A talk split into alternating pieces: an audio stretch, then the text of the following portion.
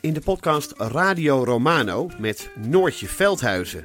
Met Marcel van Roosmalen. En met Roelof de Vries. Brengen we alle drie elke week een zogenaamde signalering mee. Wat heb jij nou weer bij je? En aan het eind bepalen we wie de winnaar van de week is. Echt een angstcultuur Lege huls die je er bent? Ja, dat gaat eigenlijk altijd onvriendelijk.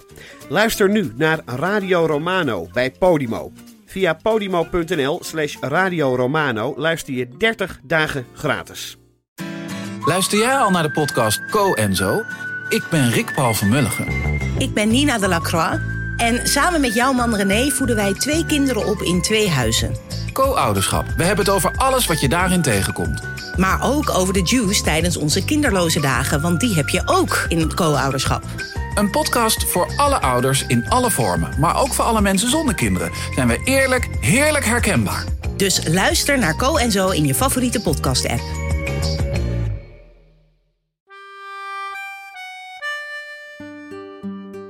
Dit is Man met de microfoon.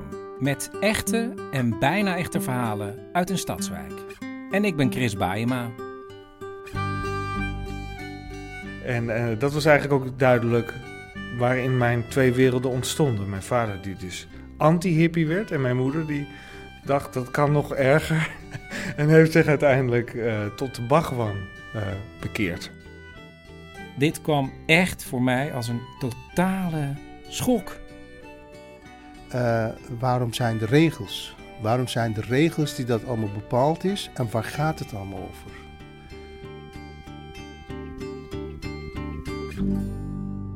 Welkom bij aflevering 13 van Man met de microfoon. Je weet het, ik rij met een oranje Ford Transit busje door mijn eigen stadswijk op zoek naar verhalen. En eh, iedere maand presenteer ik een programma aan de hand van een thema. En eh, we gaan zo weer beginnen. Maar eerst is er ruimte voor mijn sponsor, de Koffie Company.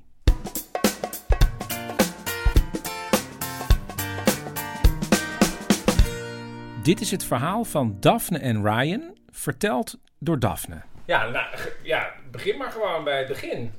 begin bij het begin. Ja, wij gingen trouwen. En eh, we wilden in Amsterdam trouwen. En verder wisten we niet zo goed waar. En dat was best wel lastig. Want we wilden niet in een kerk trouwen. Want we zijn allebei niet gelovig. En we zaten dus boven bij de Coffee Company in de Ferdinand Bol te discussiëren. En dat ze daar zaten was vrij logisch. Ja, we zaten gewoon eigenlijk best wel vaak in de Coffee Company. Lekker eh, eh, in het weekend. eh, krantje lezen, soms door de week. Beetje werken, beetje kletsen. Het is eigenlijk net een, een buurtcafé, hè, de Coffee Company. En ik keek een beetje om me heen en er zijn daar van die glas- en loodraampjes. Ik zei, nou, eigenlijk is dit wel leuk. Ja, waarom ook niet? En dus belden ze met Jasper van de Koffie Company. Ja, ik kan me het eh, telefoontje nog wel herinneren. Ja, het is niet eh, elke dag dat je dit verzoek krijgt. Maar, maar kon het ook? Eh, nou, ik had het eh, contact opgenomen met de gemeente en in Amsterdam zijn ze daar eh, heel eh, eh, makkelijk in inderdaad. Dus het was vrij snel geregeld. En dus was er een ja-woord tussen de barista's. Ja, en daarna dus proosten met ijskoffie. Wat prima was, want het was een heerlijke zonnige dag. En wat doe je dan als je één jaar getrouwd bent? Volgens mij hebben we toen een, een tour gemaakt langs Den Haag, Delft en Rotterdam. En hebben we er vijf op een dag gedaan. nou, toen zaten zelfs wij wel aan onze cafeïne tax, maar het was wel leuk. En hoe lang is het geleden? Eh 13 juli is het tien jaar geleden. Gaan jullie 13 juli dan weer eh, daar naartoe? Nou, dat denk ik wel. Dat, dat lijkt me wel leuk. Maar we spelen eigenlijk ook een beetje met het idee om, eh, eh, om misschien nog een feestje te geven. Eh, maar daar moeten we de koffiecompagnie nog even over bellen.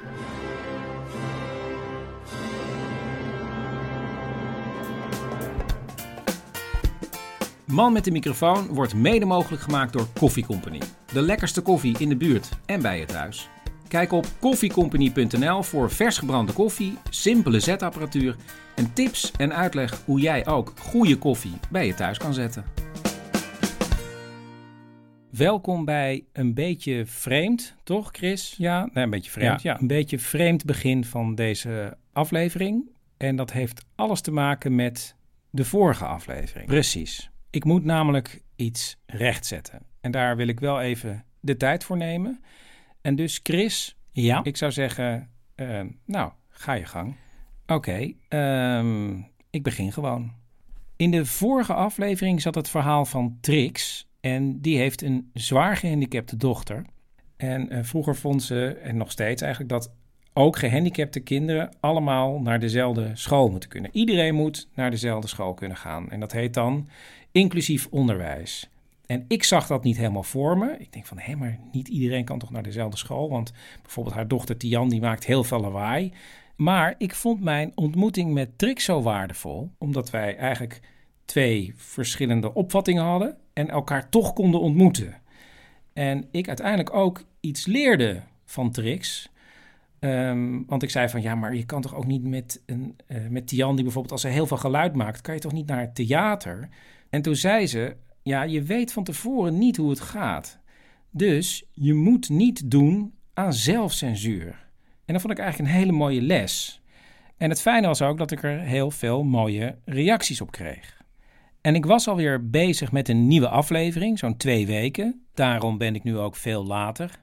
Toen ik een mailtje van een luisteraar kreeg. En die wees me op iets in het verhaal. En dat ging niet zozeer over Trix, maar over Tiandi. Die zat namelijk op een gegeven moment in Italië op school, omdat het daar wel kon. En dit is Trix, die vertelt over Tiandi, die toen een jaar of 11, 12 was. Nou, ze kon niet zoveel hoor. En uh, ze kon vooral uh, kijken, luisteren en uh, ze probeerde...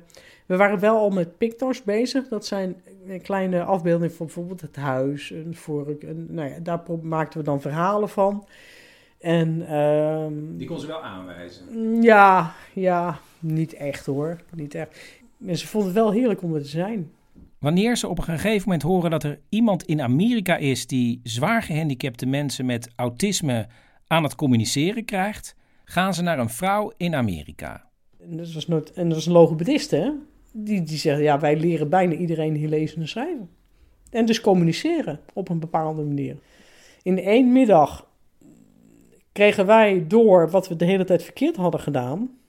Want dat werd ons verteld. Wij probeerden namelijk haar hand naar een toetsenbord toe te brengen. Terwijl het idee was dat je er juist tegenhoudt. Door tegen te houden kan Tiandi met veel meer controle haar vinger op een bepaalde letter drukken.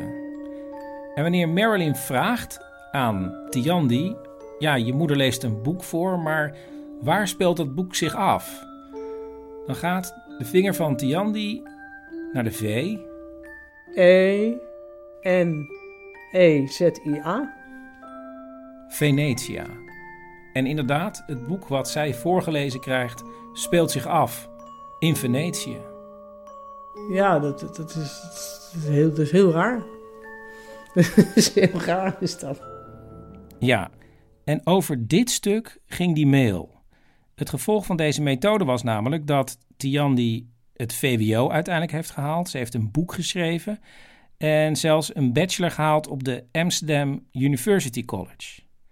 Nou schreef degene die mij de mail stuurde dat ze heel erg getroffen was door het verhaal van Trix en dat ze kan voorstellen hoe hartverscheurend het is om een gehandicapt kind te hebben en dat ze weet dat uh, Trix natuurlijk het allerbeste met Tiandi voor heeft, maar ze gaf me ook twee linkjes. En de allereerste was naar een uh, artikel wat uh, vijf jaar geleden heeft gestaan in de Volkskrant. En dat gaat over Tiandi. Um, die dan op de Amsterdam University College zit. En een aantal van haar medestudenten die trekken in twijfel dat Tiandi zelf kan communiceren. Want ze heeft altijd een begeleider bij zich. En bij de ene begeleider stellen ze zich allemaal voor. Maar als Tiandi dan de volgende keer een andere begeleider bij zich heeft, dan kan ze zich de namen niet meer herinneren van haar medestudenten. Ook blijkt dat ze af en toe helemaal niet naar haar toetsenbord kijkt, terwijl haar begeleider hele zinnen aan het typen is. In datzelfde artikel wordt ook het programma Je zal het maar hebben van BNN aangehaald, waar uh, Tiandi ook te gast was. En als een paar wetenschappers naar die beelden kijken van Tiandi, dan concluderen ze dat Tiandi niet op deze manier kan communiceren. En ja, dit kwam echt voor mij als een totale schok. Ik, ik wist helemaal niet wat ik, uh, wat ik hiermee aan moest. Tenminste, ik las het in eerste instantie heel snel door. En toen dacht ik, ja, nou ja, misschien zegt de een dit en de ander dat. Maar toen dacht ik, ja, maar die wetenschappers, die zeggen dat het echt niet kan. Um, toen ben ik me helemaal gaan verdiepen in uh, de methode die heet dus Facilitated Communication. Chris, ja, ga je nu een soort spreekbeurt houden? Uh, nou ja, ik heb wel heel veel uh, artikelen, wetenschappelijke artikelen gelezen. Ik heb uh, presentaties van conferenties gezien. Ik heb documentaires bekeken. En ik heb ook met een aantal wetenschappers gesproken. Dus, dus ja, je weet er heel veel van nou ja, nu. Ja, ik ga het gewoon even kort uitleggen dan. Ja, hou het kort. Oké, um, eind jaren 80, begin jaren 90 waren er eerst in Australië en later in Amerika een aantal personen die zeiden: wij kunnen mensen laten communiceren waarvan eerst werd gedacht dat ze een IQ van 20, 30 hadden en die later heel slim bleken te zijn. Um, dat zou bijvoorbeeld betekenen dat autisme niet om een mentale beperking zou gaan, maar om een fysieke beperking. Want als je iemand helpt, dan blijkt hij veel meer te kunnen dan gedacht. Zo waren er autistische kinderen die nog nooit hadden gecommuniceerd en opeens met behulp van zo'n facilitator, iemand die hun hand begeleidt naar een toetsenbord, konden zeggen: I love you, mom. En omdat er steeds meer berichten over dit soort succesverhalen kwamen, werd de methode heel vaak ingezet, zonder dat die nog wetenschappelijk was bewezen. De mensen die hiermee werkten zeiden: ja, je ziet dat het werkt, want we krijgen ze aan het communiceren. Terwijl de wetenschap zegt: dit is echt ja, bijna een wonder, dus je moet met heel hard bewijs komen. Nu wil het geval dat er ook vrij snel verhalen kwamen van uh, kinderen die met facilitated communication opeens vertelden dat ze seksueel waren misbruikt. En dat was niet één geval, dat waren heel veel gevallen. En uh, toen werd het echt noodzakelijk om te kijken of dit nou echt was of niet echt. Konden ze nou communiceren of toch niet? Um, er is een vrij simpele methode om te kijken of het echt werkt. Je laat namelijk een plaatje zien aan de begeleider en aan degene wiens hand begeleid wordt. En wat bleek uit wetenschappelijke studies? Dat als de begeleider en degene wiens hand begeleid wordt hetzelfde plaatje te zien krijgen, bijvoorbeeld van een auto, dan wordt via facilitated communication gewoon het woord auto ingetypt. Maar als de begeleider een foto van een auto te zien krijgt en zonder dat hij het weet, degene die die begeleidt een foto van een boom, dan wordt in geen enkel geval het woord boom ingetypt. Kortom, je kunt niet communiceren als facilitated communication je enige manier van communiceren is. Wat is er nu precies aan de hand? Ehm, er is iets in de psychologie en dat heet het zogenaamde idiomotorisch effect.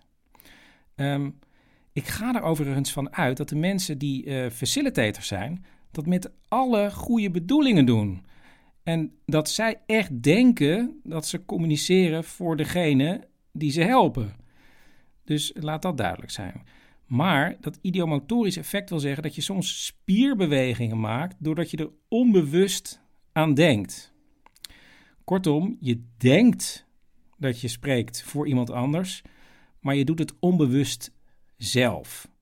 En bij facilitated communication kan het natuurlijk heel mooi zijn als iemand opeens kan communiceren en ook vrij snel uh, kan spellen en hele zinnen kan uh, schrijven en zelfs een diploma van een school kan halen of een uh, graad op een universiteit en uh, een boek schrijven of poëzie. Maar het komt dus ook voor dat kinderen zeggen dat ze seksueel misbruikt zijn. En dan krijgt het natuurlijk een gevaarlijke kant. En hoewel het al in de jaren negentig is weggezet als een pseudowetenschap, en het staat nu zelfs als voorbeeld daarvan in een uh, Nederlands lesboek uh, inleiding tot de psychologie, toch duikt het steeds weer op. En uh, hoe kan dat nou? Dat komt natuurlijk omdat het mensen hoop geeft, want het zijn mooie verhalen. Bovendien bevestigt het het beeld wat veel mensen zeggen dat er veel meer in mensen met autisme zit dan we denken. En dat is inderdaad ook heel vaak het geval. We kennen allemaal het verhaal volgens mij wel van een jongetje die dan kan communiceren omdat hij verwijst naar bijvoorbeeld animatiefilms of zo. Er zijn echt hele mooie verhalen.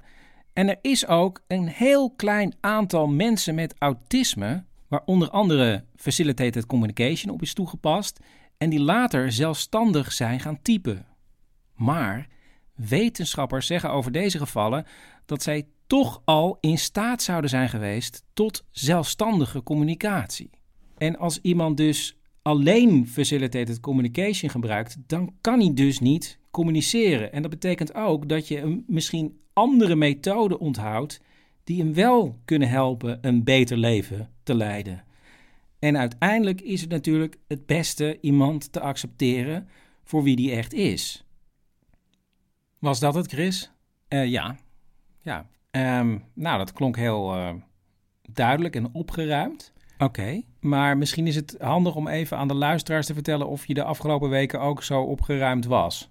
Um, ik heb hier heel lang tegenaan zitten hikken. Nu ik het net heb opgenomen, voel ik me redelijk opgelucht. Maar het waren wel ja, rare weken. Want ik begon met een soort zoektocht. En er was echt een moment dat ik tijdens het lezen van iets opeens wist van... Hè? Ik kan echt niet meegaan in het verhaal van Trix.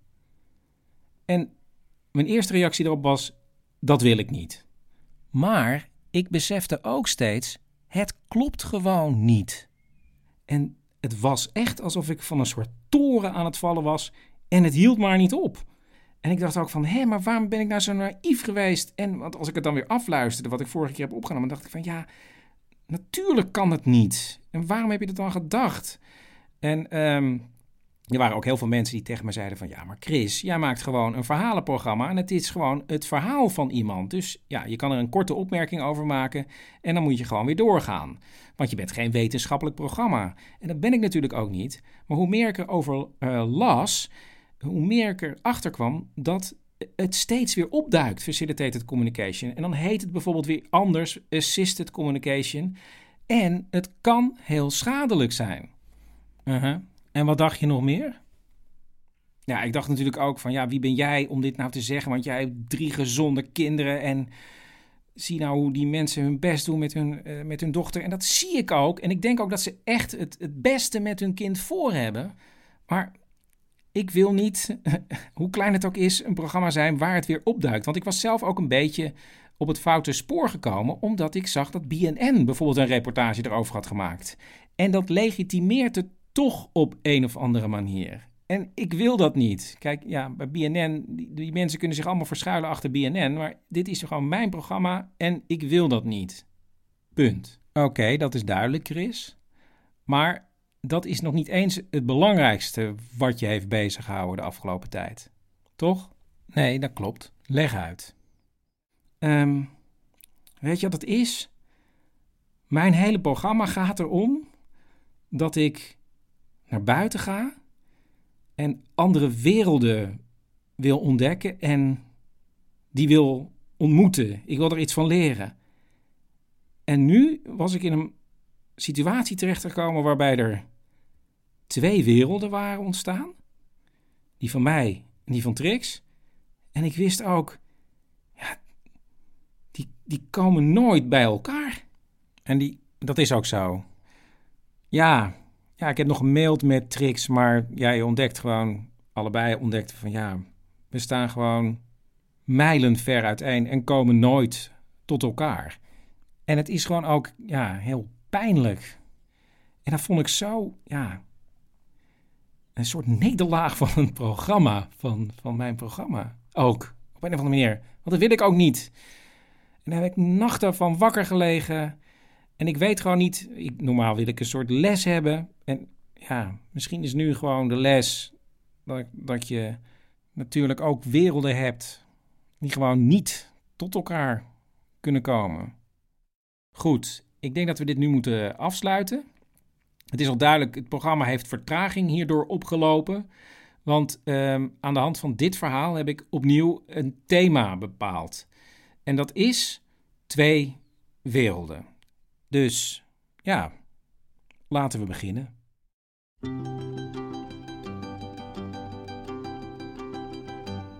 Hey, wij woonden in Amstelveen in een rijtjeshuis. Dit is Serge.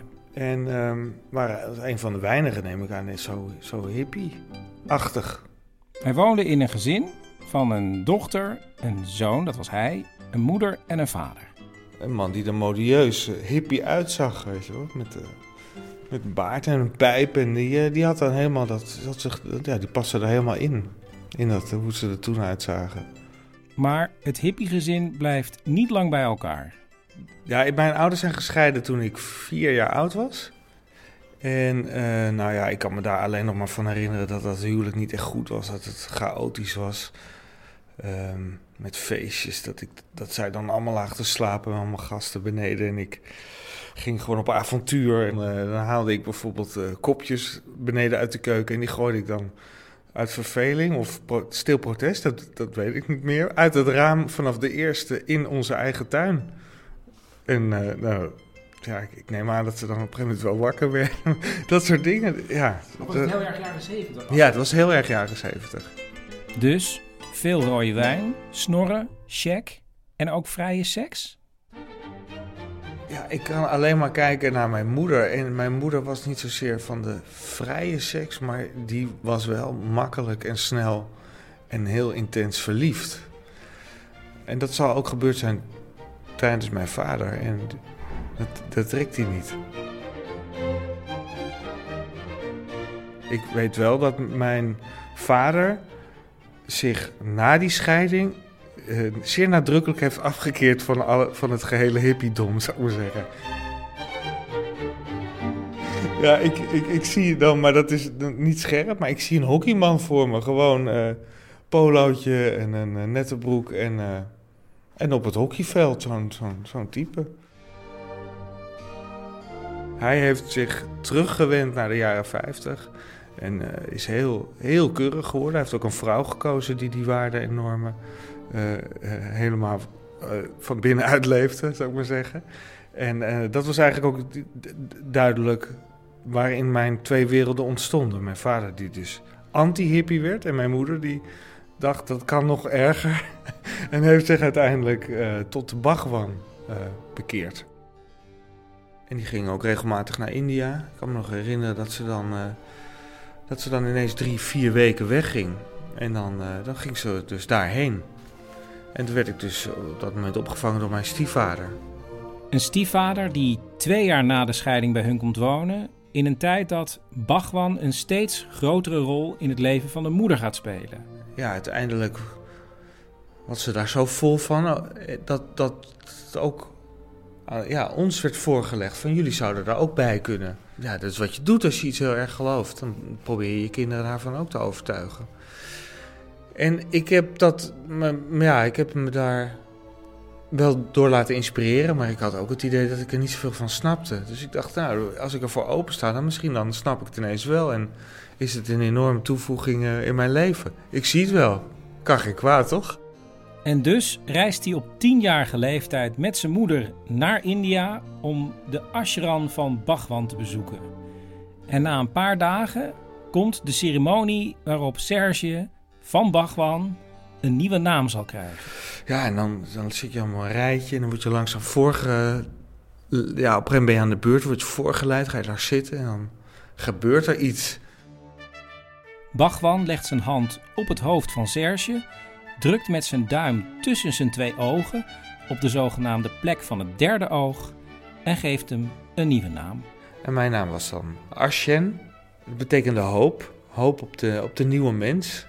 De mens die in een hogere staat van bewustzijn uh, zou zijn. En daarna bezegelde hij die naam door onze mala om te doen.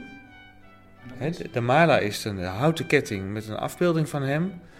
Ja, en dan hoopte ik altijd op iets magisch. Maar dat, ik, ik, was er volgens mij net te nuchter voor. ik, ik, ja, ik, ja, wist het niet. Of dit het dan was, dat vroeg ik me dan af. Was het mooi? Was het bijzonder? Ja, het zag er leuk uit op de foto's die ik nog later gezien heb. Het is heel gewijd, ziet alles eruit. Maar toen was ik het dus. Ja, toen had ik dus zo'n mala. En toen liep ik altijd in het oranje. Ik kon me goed herinneren, was ik dus was ik net uh, in India geweest en was ik dus heel trots uh, met die mala en die oranje kleren. En dan was ik aan het schaatsen op een gracht en toen kwam mijn vader dus langs. En ik was, zo, heel blij van, kijk, uh, ik heb dit, dit, helemaal meegemaakt en deze nieuwe naam en zo. En toen, toen kreeg ik langzaam door dat hij dat helemaal niet leuk vond. En hij reageerde dus niet, hij kon hem enthousiast helemaal niet beantwoorden. En hij blokte zo van... Het was duidelijk dat hij dat gedeelte niet alleen niet accepteerde, maar hij, ging, hij zou er zich ook tegen te weerstellen. En die scheiding van dit ben ik bij mijn moeder en dat ben ik bij mijn vader, die deed zich eigenlijk dus twee wekelijks voor. Want ik was er soms twee keer per week. En als ik dan aankwam, dat was het eerste wat ik moest doen voordat uh, hallo en, uh, en, zo werd gezegd, was omkleden. Op je kamer. Want ik liep in het oranje. Met die mala. Dat, dat was niet welkom in dat huis. Dus, dus dan werd ik ja, linea recta naar mijn kamer gestuurd. En daar lag dan heel keurige Lacoste truitjes en bandplooibroeken en, en nette schoenen. Dan moest ik me direct omkleden. En dan uh, kwam ik beneden. Hallo. dan was ik, uh, was, ik, was ik Serge weer. En in allebei de gezinnen golden ook eigen regels wat betreft de opvoeding. Zoals bij zijn vader. Je doet het omdat ik het zeg. En het doel was uh, uiteindelijk een, een, een normale, een acceptabele positie in de maatschappij te verwerven. Die, die, die structuur en die regels vond ik niet erg, maar wel de, de, het gebrek aan zeggenschap. Ik had gewoon nooit iets te zeggen, voor mijn gevoel. Bij zijn moeder was het heel anders. Ik kan me bij mijn moeder niet herinneren ooit huiswerk gemaakt te hebben. En dat kwam omdat het leven daar weer vrij chaotisch was. Zo moesten ze soms vanuit school heel ver reizen omdat hun moeder op een boot zat, een soort dependance van de Bagwan-commune. Ik weet niet meer precies wat wij daar dan deden, volgens mij vooral vervelen. En dan uh, zagen we allemaal mensen die heel religieus met de Bagwan bezig waren. En dan, uh, dan gingen we daarna weer naar huis. Dat kon bijvoorbeeld onze woensdagmiddag zijn. En hoe zag zijn moeder dan bijvoorbeeld zijn toekomst? Bij mijn moeder maakte het niet uit hoe je terecht kwam, als het maar niet burgerlijk was. En uh, ja, eigenlijk was het motto: uh, als je maar gelukkig bent. En dus had je de hockeyspelende Serge en Asjen, het lid van de Bachman-beweging. Maar was hij als Asjen dan ook anders dan Serge? Ja, ik denk dat ik wel een andere jongen was.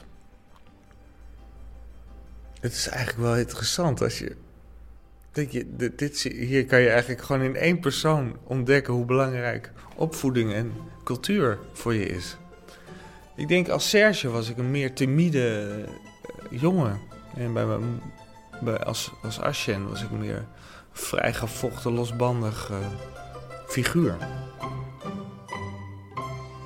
Aan het eind van de lagere school wordt zijn moeder weer heel erg verliefd op iemand. En zo verliefd dat ze eigenlijk niet meer voor haar kinderen kan zorgen.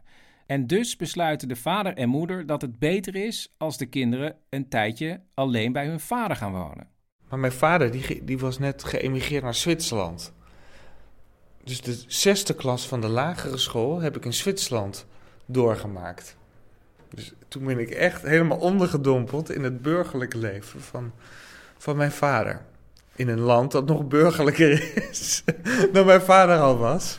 Namelijk uh, Zwitserland in Genève. Dus uh, ik ging daar naar een Zwitserse school en ik had dat jaren 50 gezin van mijn vader. En dus was er weer aandacht voor structuur en discipline. Maar ja, er gebeurde natuurlijk wel wat. Ik leerde wel wat uiteindelijk heb ik daar ook een vrij goed uh, advies gekregen om, uh, we zeggen, HAVO-VWO-niveau daar verder te kunnen leren. De Zwitserland-periode is eigenlijk heel pijnlijk afgesloten, want um, mijn moeder, ja, die was dus weer min of meer in staat om voor ons te zorgen. En uh, mijn zusje wilde absoluut terug en mijn vader, die wilde eigenlijk heel graag dat ik bij hun zou blijven om die schoolcarrière verder vorm te geven. Want dat is natuurlijk waar zij echt veel beter in waren dan mijn moeder. En dat voelde ik zelf ook. En ik, uh, ik moest dus kiezen tussen de vrijheid die ik bij mijn moeder voelde En de carrièrekansen die ik veel duidelijker bij mijn vader zou kunnen realiseren. En uh, ik moest eigenlijk ook kiezen dus tussen mijn vader en mijn moeder. En dat, uh, dat kon ik eigenlijk niet. Dat was heel pijnlijk. Wat heb je gekozen? Ik heb eigenlijk niet gekozen. En uh, het was in, in Amsterdam en ik logeerde toen bij mijn, uh, bij mijn moeder. En toen zei uh, mijn vader van ja, als je dan en dan bij de auto bent, dan ga je mee naar Zwitserland. En als je er niet bent, dan, uh, dan ben je er niet. Dan is het ook goed. En dus door niet te kiezen heb ik gekozen voor mijn moeder. Ging hij in de vakantie dan bijvoorbeeld wel naar zijn vader? Weet ik niet meer. Dat weet ik echt niet meer. Het valt me sowieso op als ik nu met jou hierover praat, dat ik heel weinig um, chronologische uh, gegevens daarvan heb. Het is voor mij heel chaotisch, die jeugd. Waarschijnlijk omdat ik zulke, veel en zulke extreme ex dingen heb meegemaakt. Is dat, dat, je brein alleen maar bezig is om te overleven en te adapteren. En niet zozeer om daar een, uh, een logisch geheel van te maken. Hoe ging het eigenlijk verder met Asjen en de Bagwanbeweging? Volgens mij is het bij mij een beetje als een nachtkaars uitgegaan. Op een gegeven moment was het niet meer nodig om altijd in het rood gekleed te zijn. Ik was mijn mala al heel lang kwijt. Dus qua uiterlijk was ik niet anders meer dan andere mensen. Alleen had ik dus nog de naam Asjen. En toen, toen ging hij dood. En toen was ik om nabij de twintig. En toen dacht ik wel, nou oké, okay, nou, dan is het klaar. Dan heet ik nu gewoon Serge. En hoe kijkt hij dan nu aan tegen zo'n beweging als die van Bachwan? Ik, uh, ik, heb er niks mee. Ik heb eigenlijk later een, een diepe antipathie uh, ontwikkeld tegen al die alternatieve religieuze bewegingen. Uiteindelijk heb ik me gefocust toch op het maatschappelijke. Geprobeerd om een, een, plekje te vinden in de maatschappij, om gewoon te werken. En, ja, mijn moeder zou het misschien burgerlijk vinden, maar ik, probeer gewoon een vader, vader, te zijn en een ondernemer. En uh, eh, normaal te doen. ja. Inmiddels heeft Serge twee kinderen van 11 en 12. Hoe kijkt hij aan tegen zijn rol als opvoeder? Ja, ik probeer voor mijn zonen wel echt een maatje te zijn. Dus, dus, zowel een strenge vader als iemand die zijn vrijheid geeft, maar ook naast te staan. Dus weet je, als we. Dat, ja, wat doen we dan bijvoorbeeld? Dan gaan we met z'n drieën gaan we een ijsje halen s'avonds na het eten. En dan wandelen we, dus niet lopen, niet van A naar B. Nee, dan wandelen we ja, heel traag naar de ijsman en dan halen we een lekker ijsje en dan wandelen we weer terug. En we, dan maken we ja, allemaal kleine avonturen mee. Dat vind ik heerlijk en dat had ik zelf ook heel leuk gevonden, denk ik. Als kleine jongen.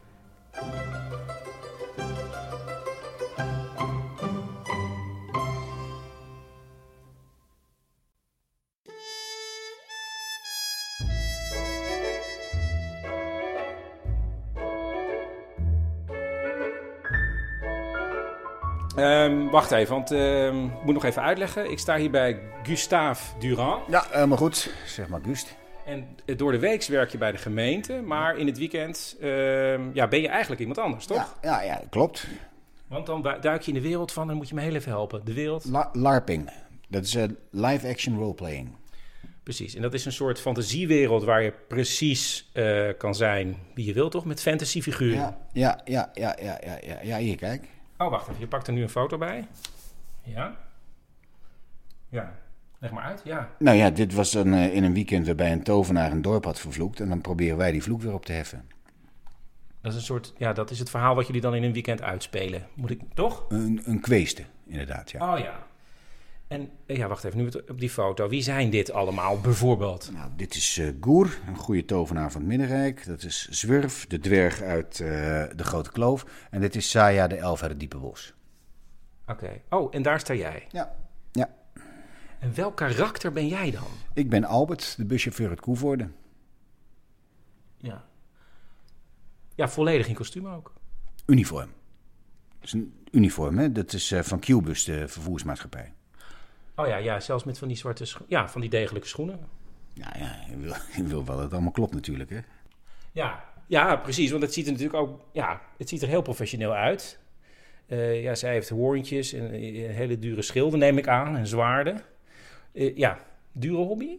Oh, een beetje stadsbus kost al gauw 235.000 euro. Je hebt een bus? Ja, ja, tuurlijk. Ja, ik ben Albert, de buschauffeur uit Koevoorde.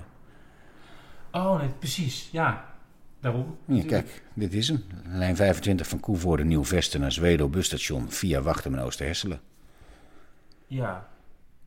En ja, daar, ja daar, daar moet je het wel mee doen. Ja, daar moet je mee doen. Ja. Wacht even, en hier bijvoorbeeld? Wat is dit? Oh, dit was, uh, ja, dat was wel leuk. Het was in het Hartsgebergte in Duitsland. Want uh, toen was er op aarde een, een, scheur in de tijdsruimte ontstaan. En die moesten we met z'n allen weer dichtmaken. En jij rijdt dan met elfjes en dwergjes of zoiets door de ruimte heen? Hoe moet ik dat voorstellen met die bus? Wat... Nou, uh, toen kon ik geen normale dienstregeling rijden hoor. Wat? Nou ja, zo'n scheur in de tijdsruimte, die had natuurlijk de hele dienstregeling overhoop. En dan kun je niks als buschauffeur. Ja. Maar kijk, je kan natuurlijk wel heel hard inrijden op een groepje orks of zo. Dat wel.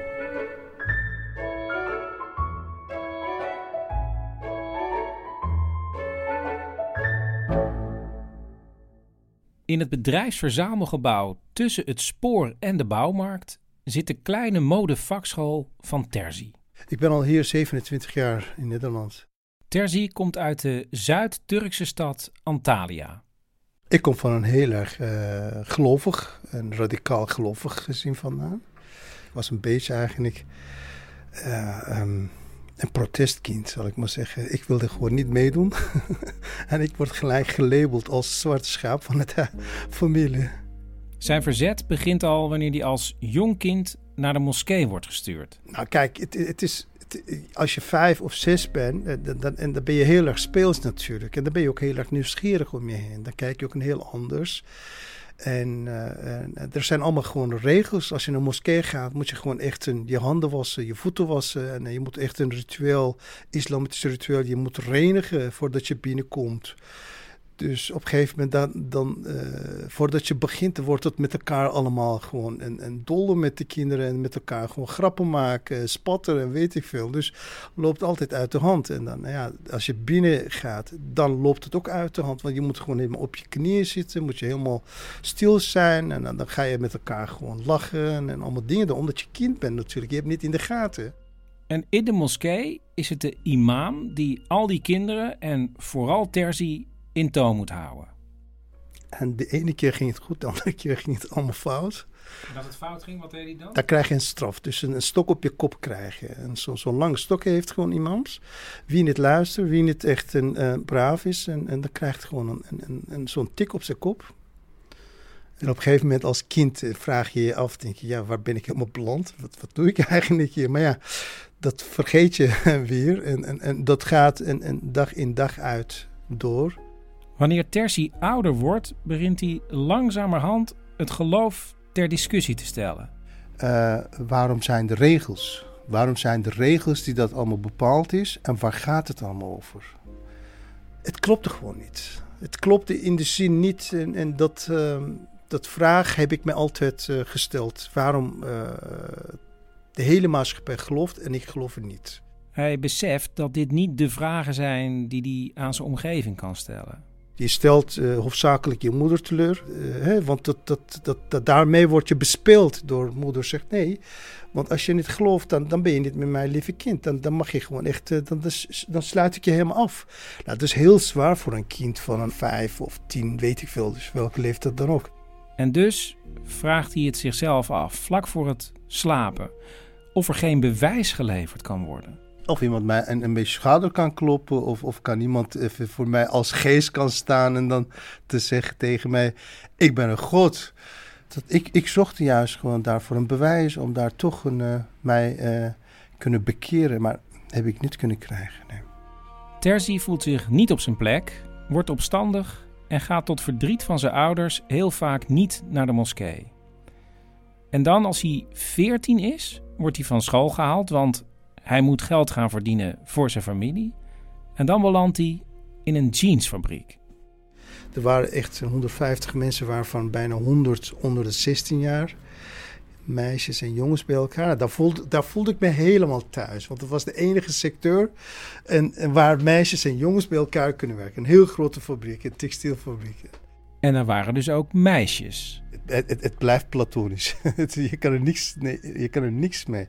De angst bij de meisjes is heel erg groot, want dat mag niet voor de islamitische trouw met een man.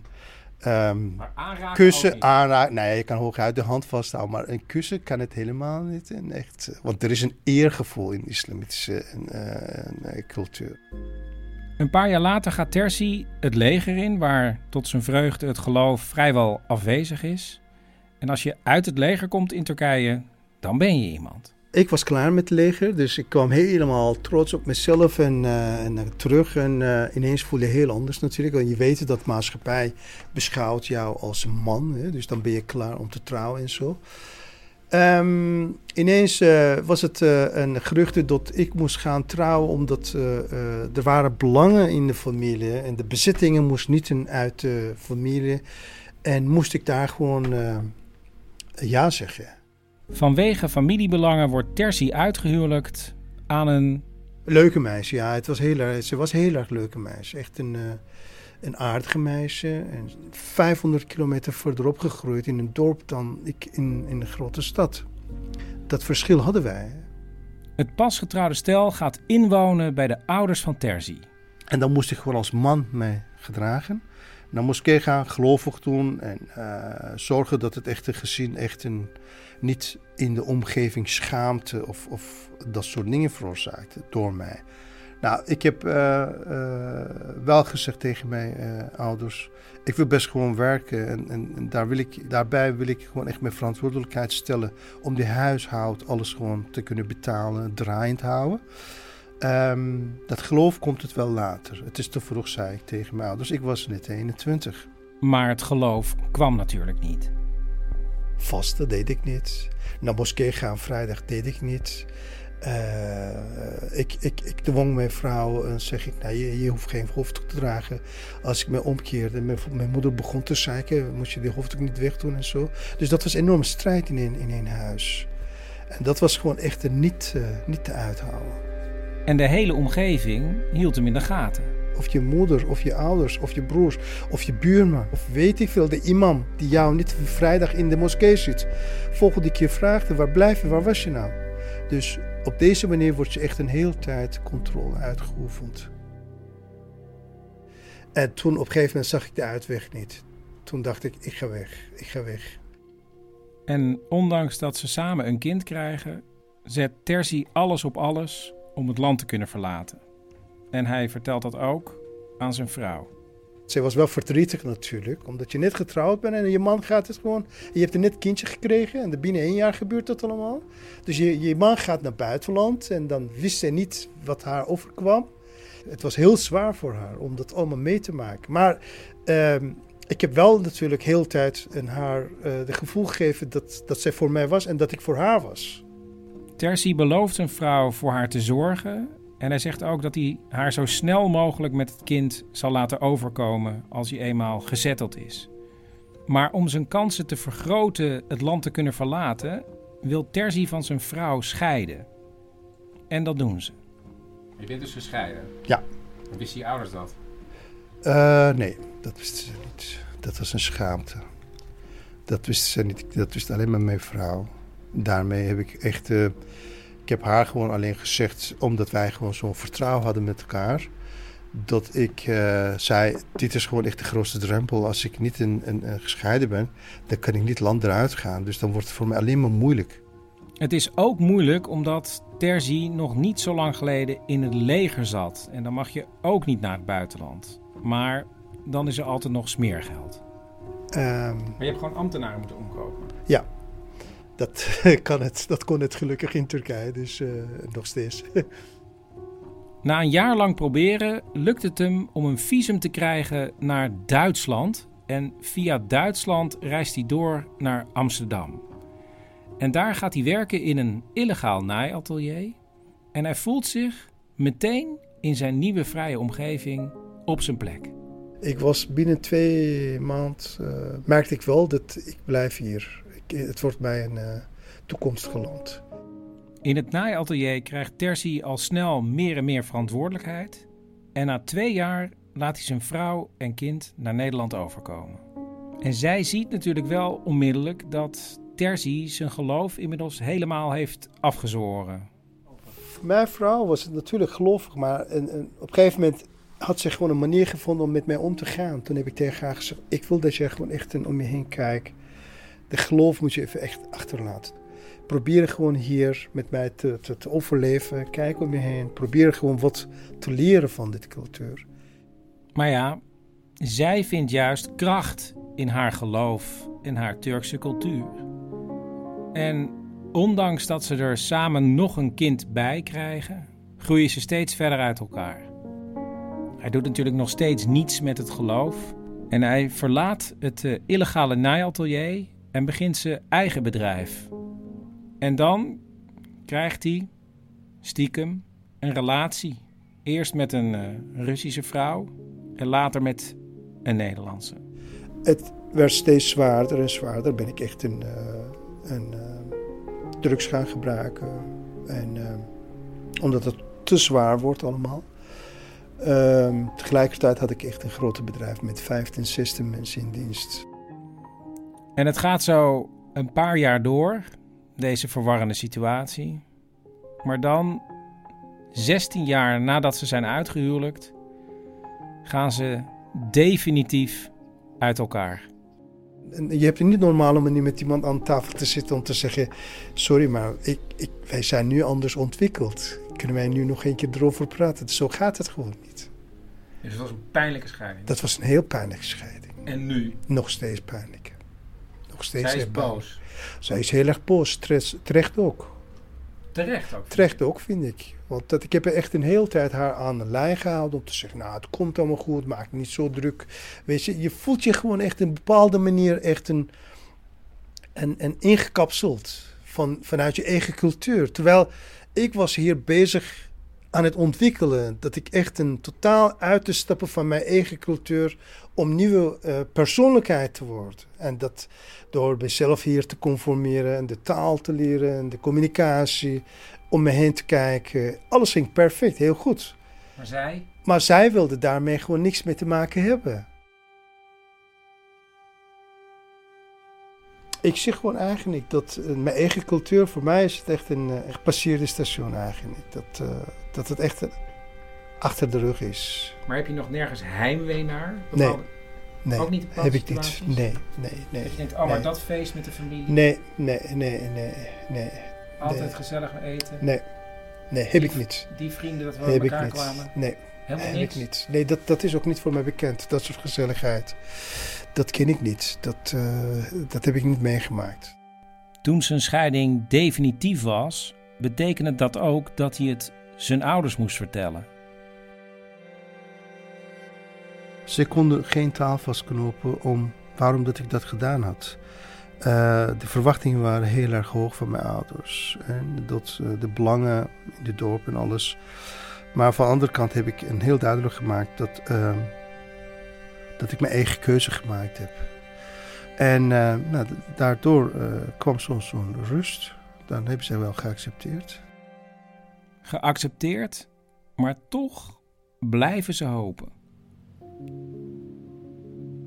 En dat heb ik nog steeds vandaag hoor. Als ik naar mijn ouders ga, dan die verwacht dat ik nu aan het uh, vasten moet. En, en dat doe ik niet, maar dan spreek ik wel af met ze. Dan zeg ik, nou, ik ga lekker voor jullie koken, maar jullie moeten niet verwachten dat ik naar moskee moet. Dus dan maak ik een afspraak, dan maak ik een beetje grappen. Dus op deze manier hou ik gewoon echt een beetje afstand. Zeg ik, nou, ik kan het gewoon echt een, mijn eigen beslissing nemen, maar ik ga wel voor jullie goed koken, lekker koken. Nou, op deze manier probeer ik ze gewoon toch een... Uh, onderhandelen. ja, dat, uh, dat heb ik nog steeds. Elk jaar ben ik vaak bij mijn ouders. Dus, uh... Maar je probeert ze eigenlijk te laten zien, ik ben toch ook wel een goede zoon. Nou, ik denk dat ik eerder gezegd, uh, niet goede zoon, want dat ben ik nooit in hun oog. Maar ik ben wel verantwoordelijk. En verantwoordelijk betekent dat hij ze elke week belt. Dat als hij in Turkije is, dat hij dan meegaat met ze naar het ziekenhuis als ze daar een afspraak hebben. Of dat hij een nieuw huis voor ze regelt als de huur van hun oude huis wordt opgezegd. Of hij neemt ze mee op vakantie. Hij ondersteunt ze sowieso financieel. Kortom, hij doet alle dingen die een oudste zoon behoort te doen, ook als hij niet gelooft. Ik leef nu in een leven en eigenlijk dat ik zelf gekozen heb. Dat maakt me gelukkig. Je, dus je hebt je eigen wereld geschapen? Ik heb mijn eigen wereld geschapen, dat is het.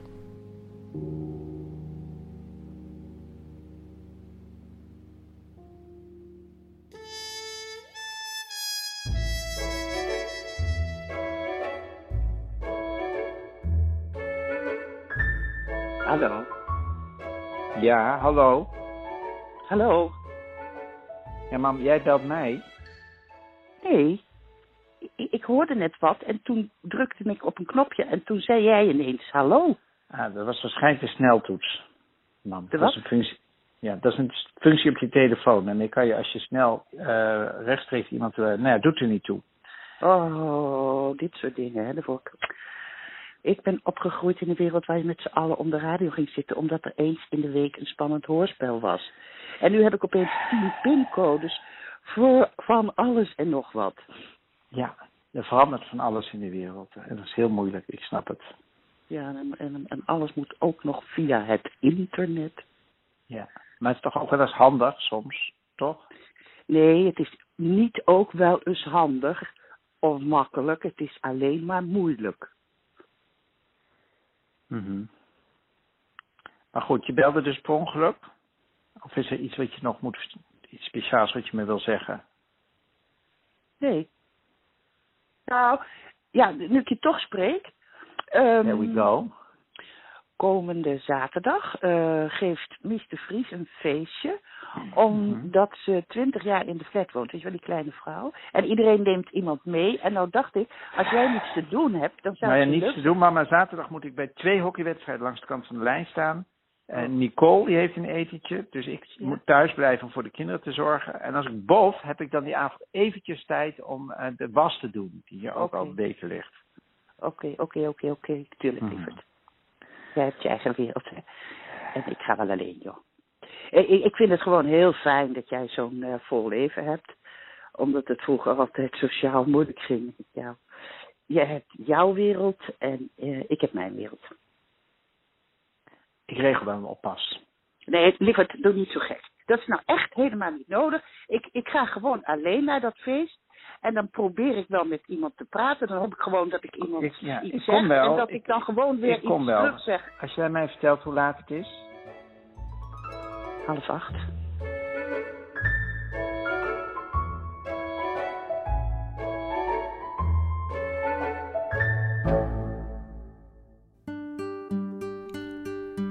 Dit was aflevering 13 van Man met de microfoon. Meegewerkt hebben Paulien Cornelissen, Marcel Hensema, Cecile Heuyer en Micha Wertheim. En dit is de allerlaatste aflevering van het tweede seizoen. Maar ik heb goed nieuws, want na de zomer kom ik terug. En ik heb nog meer goed nieuws, want Nizar, de Irakese vluchteling uit de allereerste aflevering, heeft een verblijfsvergunning gekregen. Nou, dat moest ik even vermelden. Ehm, je kan natuurlijk, ja, je moet natuurlijk iedereen vertellen dat ze in de vakantie moeten gaan luisteren, binge luisteren naar eh, Man met de microfoon. En laat eh, alles achter, hè, recensies op iTunes enzovoorts. En ik heb natuurlijk nog iets eh, hier nu. Luister. Nou, toen kwam dan Bakwan zelf die ruimte in. Wie? Bakwan heette hij. Mark, dat je zei Mark van Zel. nee, ja, maar... nee, Bakwan heet hij. Oké, ja, ja. Dus eh, tegenwoordig heet hij Osho, maar toen was dat Bakwan.